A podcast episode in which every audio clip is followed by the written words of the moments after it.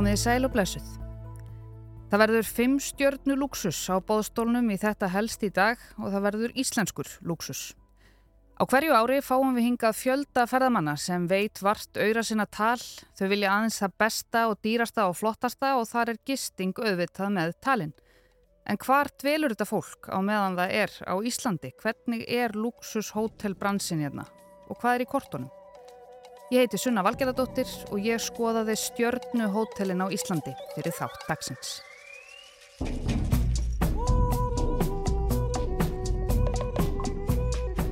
Það verður ekki flottara en fimm stjörnu hótel. Eða réttar að sagt, kannski hótel geta ekki fengið meira en fimm stjörnur samkvæmt hinum og þessum stöðluðu stjörnu veitingarkerfum. Á Íslandi, landinu litla sem hefur miljónsinnum orðið áfangastaður ríka og fræga fólksins, eru samt sem áður bara rekin örf á hótel sem markaðsetja sig sem eiginlegan luxus. Fyrir rúmum þremur árum byrtist þessi frétt á vef túrista með fyrirsögninni Fyrstu fimm stjörnu hótelin. Í fyrsta sinn hafa íslensk hótel nú hlotið fimm stjörnu flokkun samkvæmt viðurkendu hótelflokkunarkerfi. Þeir í trít Bláalónsins fær fimm stjörnu Superior flokkun og hótel Grímsborgir í Grímsnesi er fimm stjörnu hótel. Ferðamálastofa segir að jafnframt síu hótelin vottuð samkvæmt gæðakerfi Vakans sem er eina viðurkenda hótelflokkunar kerfið hérlendis. Samkvæmt reglugerðum gististadi er óheimilt að auðkenna sig með stjórnum eða öðrum merkjum sem gefa til kynna hvers konar gæðaflokkun nema að undangengin í formlegri gæða úttækt þriðja aðila sem viðurkendi er af stjórnvöldum.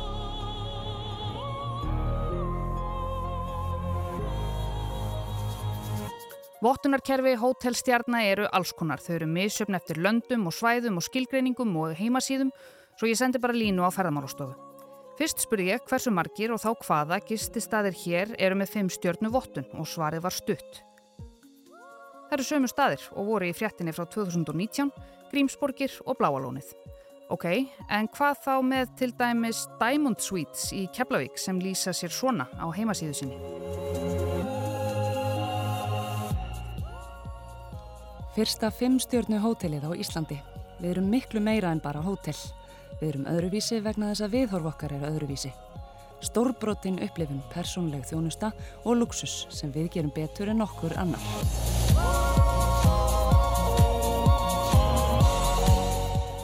Demantasvíturnar í Keflavík eru fyrir þau sem vilja aðeins það besta. Við bjóðum upp á fimm luxussvítur sem hver hefur sitt sérstakka þema. Þau segjast vera með fimm stjörnur og hvað með Edition hótelið við hörpu eða Deppla í fljóttónum, spurði ég ferðamálastofu og fekk svar. Þessi hótel taka ekki þátt í opinberu eða viðurkendu stjörnuflokkunar kerfi.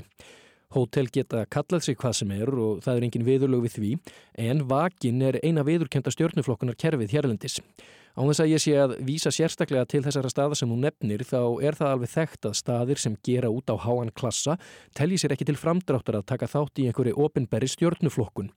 Það er í raun ekkert eitt samræmt stjórnuflokkunar kerfi til þótt reynt hafi verið að samræma þetta innan Evrópu til dæmis og vakin byggja á því. Þetta hefur verið talsvært mál hjá bókunarresum eins og booking.com og sömlönd hafa samkomlag við booking að staðir get ekki stjórnuflokkað sig herra á booking.com en ofinber stjórnuflokkun viðkomandi lands segir tilum. Ok, greinilega ekkert voðalega pottþétt þetta stjórnukerfi hótelana. En samkvæmt vefsíðu hotelstars.eu, Evrósku hótelstjörnu vottunarstofnunarinnar, ég var að búa þetta orð til, þá eru kröfunar fyrir fimm stjörnur eftirfarandi.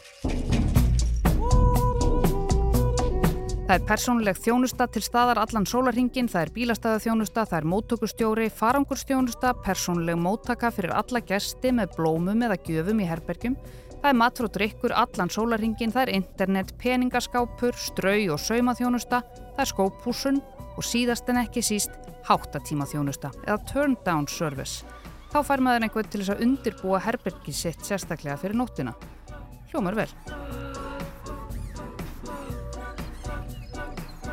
Á síðustu árum hafa líklega fá hótel fengið jafn mikla fjölmiðla umfjöldun á Íslandi og Marriott luxushótelið við Hörpu Edition sem kom sloks í gagnið hausti 2021. Það átti upphaflega að opna 2018 en út af dátlu þá tafðist það eins og gengur.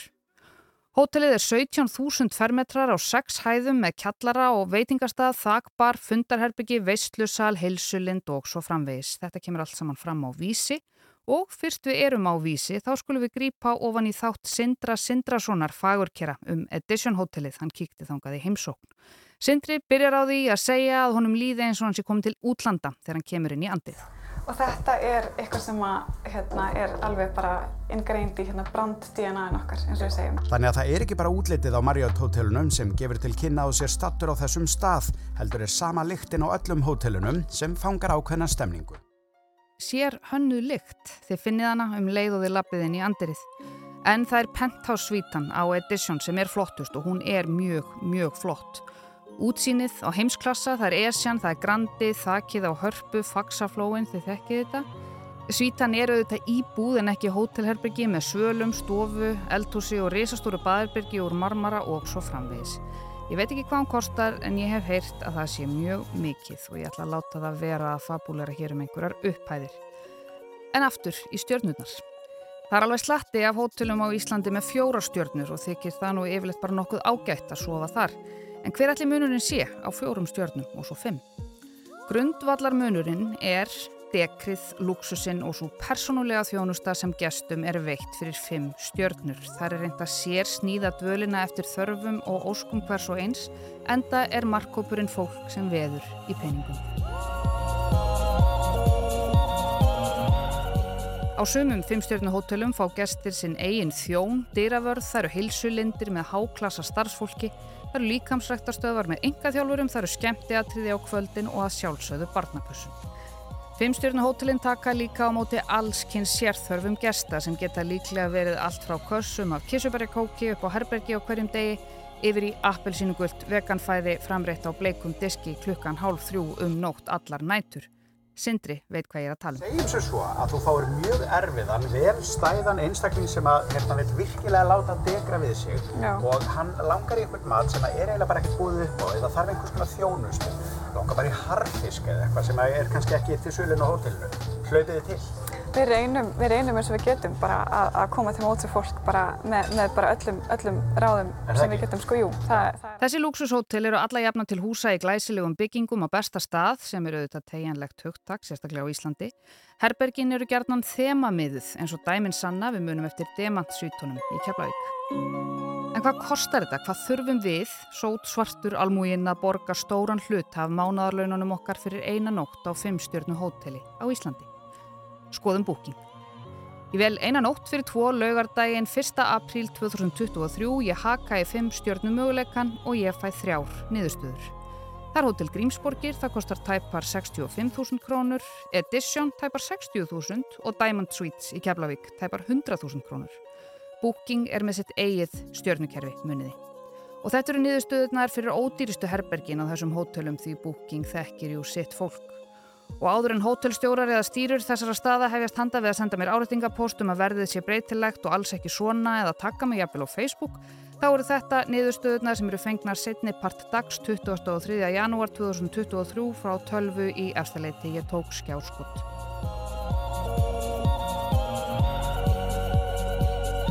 Allavega. Ef við skoðum til dæmis Edition þá get ég alveg fundið herbergi sem myndi geta stærri hluta launana minna en 60.000 krónu herbergið, töluvert stærri hluta. 80 fermetra svíta á Edition með útsinni yfir höfnina kostar 400.000 krónur þessa einu nótt og morgunverður er ekki innifalinn. En Sindri hann fikk að kíkja aðeins inn í hortsvítuna á Edition. Hvað er hún dýrust? Hún er næst dýrust. Hvað kostar nóttið? Það er, hérna, það er 200 upp. Já, þið heyrðu rétt. 200.000 krónur sem er auðvitað gjöfin ekki gjald fyrir gott herbergi. Færum okkur til Keflavíkur. Dýrasta svítan á demantinum þar í bæ er yfirburðasvítan. Hún kostar 170.000 krónur nóttin og með morgunmatt, mér að segja. Hún er reyndar helmingi minni en svítan á Edition en ætli maður gæti ekki sætt sér við það, svona eina nótt. Og þar er líka gert ráð fyrir fjórum gestum, þetta er partisvíta. Maður fær líka frían morgunmatt á Grímsborgum en þar kostar dýrasta svítan 130.000 krónur. Hún er tæpir 60 fermetrar með rafknúnum katli, setusvæði og baðsloppi. Það er sérstaklega tekið fram. Ef ég haka í fjórastjörnu möguleikan á búking þá koma töluvert fleiri niðurstöður. Það koma 57 niðurstöður. Ódýrasta herbergið er á hóteli á eigilstöðum og kostar rúmar 16.000 krónur en það dýrasta hins vegar er í hvergerði. Svítan á Hotel Örk er dýrasta fjórastjórnu herbergið sem er í bóði á Íslandi þessa nótt. 122.000 krónur fyrir 55 fermetra, svalir, útsýni yfir fjöllin og gróðurhúsin. En eins og glöggir hlustendur tókuðu kannski eftir þá er bláa lónið ekki með í þessari upptalningu en það er líklega vegna þess að það er bara uppbókað þessa nótt þarna í april. Þá skoðum við bara síðuna þeirra. The Retreat Hotel Bláa Lónsins er glæsilegt. Það er hægt að velja um nokkra svítur, það er Mósasvítan, Lónssvítan, Hraunsvítan og svo framvegis.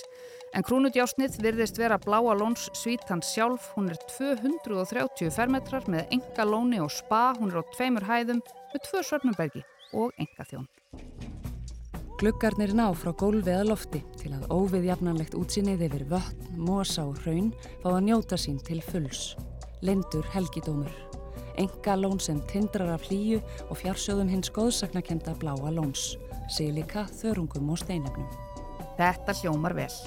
Það reyndar ekki auðvelt að bóka þessa svítu, kannski er það ekki hægt svona á netinu þannig ég veit ekki hvað nóttinn kostar. En hinnar svíturnar sem ég þuldi upp á þann, það var þarna Mosa og Hrauns og Lóns svíturnar, þær kosta um það byrj 220.000 krónur einnótt í april og þær eru öruglega mjög fínar líka. Það eru 40 fermetrar, það eru svalir og alls konar flottinn. Engin enga þjótt reyndar. Þessi hótel sem ég hef þulið upp hérna, Grímsborgir, Edition, Bláalónið og Demantsvíturnar, virðast samt ekki ná að metta lúksusferðamanna yðnaðin. Því í austanverðum klettunum ofan Eyjafjörðar á norð-austurlandi stendur mikið til. Hérna er að fara að rýsa bara eitt flottasta hótel á landinu, eða ekki bara flottasta hérna á Greinivík. Í sveitarfélaginu búa tæplega 400 manns og þar er ein kjörbúð auk veitingastadar. Á Þengilhöfða skamt vestan við Greinivík stendur til að reysa 5500 fermetra luxushótel. Á hótelinu sem heitir Höfði Lotts verða 40 herbergi, veitingastadur, heilsurekt og ráðstefnusalir. Og svíturnar fjórar á stærði rúmgott einbílushús eða um 180 fermetrar.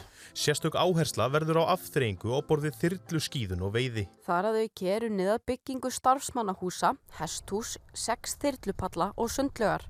Það er alveg bara mjög mjög vöndun á þessum klassa á Íslandi. Hvernig marko berðu það stílinn á þeim? Það er mjög efnafólk kemur bæði með einhver þóttum og líka bara venjulegum velum til landsins. Eitthvað hlýtur þetta að kosta? Já, þetta er mjög dýrt og þetta verður mjög flott. Þetta verður bara alveg frábært bara, og nóga fólki sem kemur til að sækja í svona afturringu. Þarna heyrðum við samsöðu tveggja frétta sem fréttamennir Amanda Guðrún Bjarnadóttir og Óðinn Svan Óðinsson gerðu um tilstandið við Grenivík. Þau töluðu við aðtapnamannin Björgvin Björgvinsson sem stendur að verkefninu og á helmingin í því á samt félaga sínum. Fyrir sérfræðingana ykkur að sunnan þá er Grenivík nyrsta þjættbílisbyggðin í austanverðum eigafyrði stendur undir Kaldbakk stóru fjalli sem margir þekkja líklega. Það tekur cirka 40 mínútur að kera til Grenivíkur frá Akureyri og maður fer alls ekki í gegnum göngin. Og fyrst við erum komin hann á norður yfir heiðar þá skulum við halda okkur þar í byli. Í fljótonum í Skagafyrði, ekki svo langt frá Siglufyrði, hefur luxushotellið Depplar Farm staðið stolt síðan 2014. Depplar er í eigu bandaríska ferðarþjónustu fyrirtækisins Eleven Experience sem sérhæfir sig í luxusferðamennsku um allan heim. Samkvæmt vefsíðu þeirra eru þau með setur víða í Colorado í bandaríkanum, í Fraklandi, á Bahama-eigum, Patagóniu og svo eðlilega á Tröllaskaga. Á vefsíðunni segir Það verður ekki mikið afskektara en undir fjallgörðum Tröllaskagans á norðanverðu Íslandi. Depplar Farm, tilnæmt eitt af bestu hótelum heims 2023, uppfyllir bæði ævintýra þrá og djúbstæða tengingu við hrikalega náttúruna. Það er hægt að fara á þyrluskýði, kajak, horfa á norðurljósin, klappa kindunum.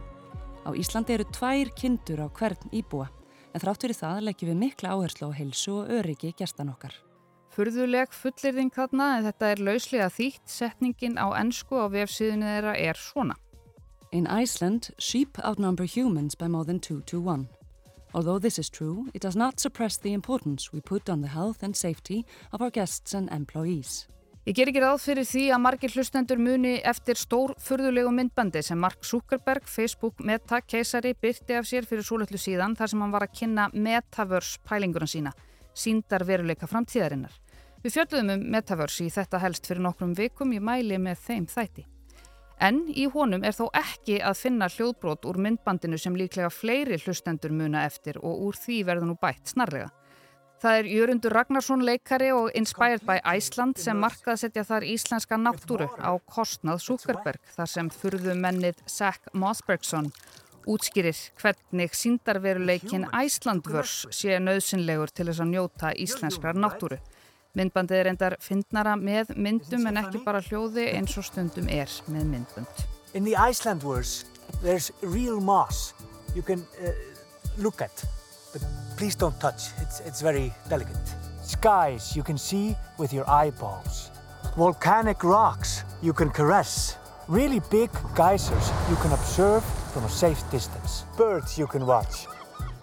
Og þetta sló í gegn enda er jörundur bæði fyndin og fáránlega líkur Súkerberg. Myndbandi rataði mér að segja í fréttinnar Vestanhafs. Forbes sagði að Saturday Night Live mætti bara fara að passa sig. Keppnin um bestu Súkerberg eftir hermuna væri mætt úr óvæntri átt Íslandi. Þetta endaði svo auðvitað með því að Súkerberg sjálfur tjáði sig um það með hlæjukalli og sagðist greinilega þurfa að heimsækja Æslandvörs og hann stóð við það. Skömmu síðar byrti Súkerberg myndir af sér og koninu sinni í sundleginni á deplum með rollur í baksinn. Alltaf blessuð söðkindin. Súkerberg virtist reyndar halda að þetta væri geitur en ég meina að það er ekki eins og íslensk ferðarþjónusta sem er kindur á heilanum. Og það er alltaf tekið með af, af, af hérna, áfangastafn þannig að í þessu tilvíki Reykjavík. Íslenska rollan Íslenska rollan Ég hef ekki græna glóru um það hvaða kostar að vera á deplum. Fyrir nokkrum árum reyndi ég ítrekkað að gera fréttir um hótelið en það gekk aldrei upp. Þau vilja líklega miklu frekar hafa hnusandi rollur, ekki geitur, í baksín á Instagram-myndum stjarnana heldur en fréttamenn. Ég síni því alveg skilning og lætt þennan þátt duga í byli. Ég heiti Sunna Valgeradóttir og luxusgistingarnar á Íslandi voru á dagskrá í þetta helst í dag.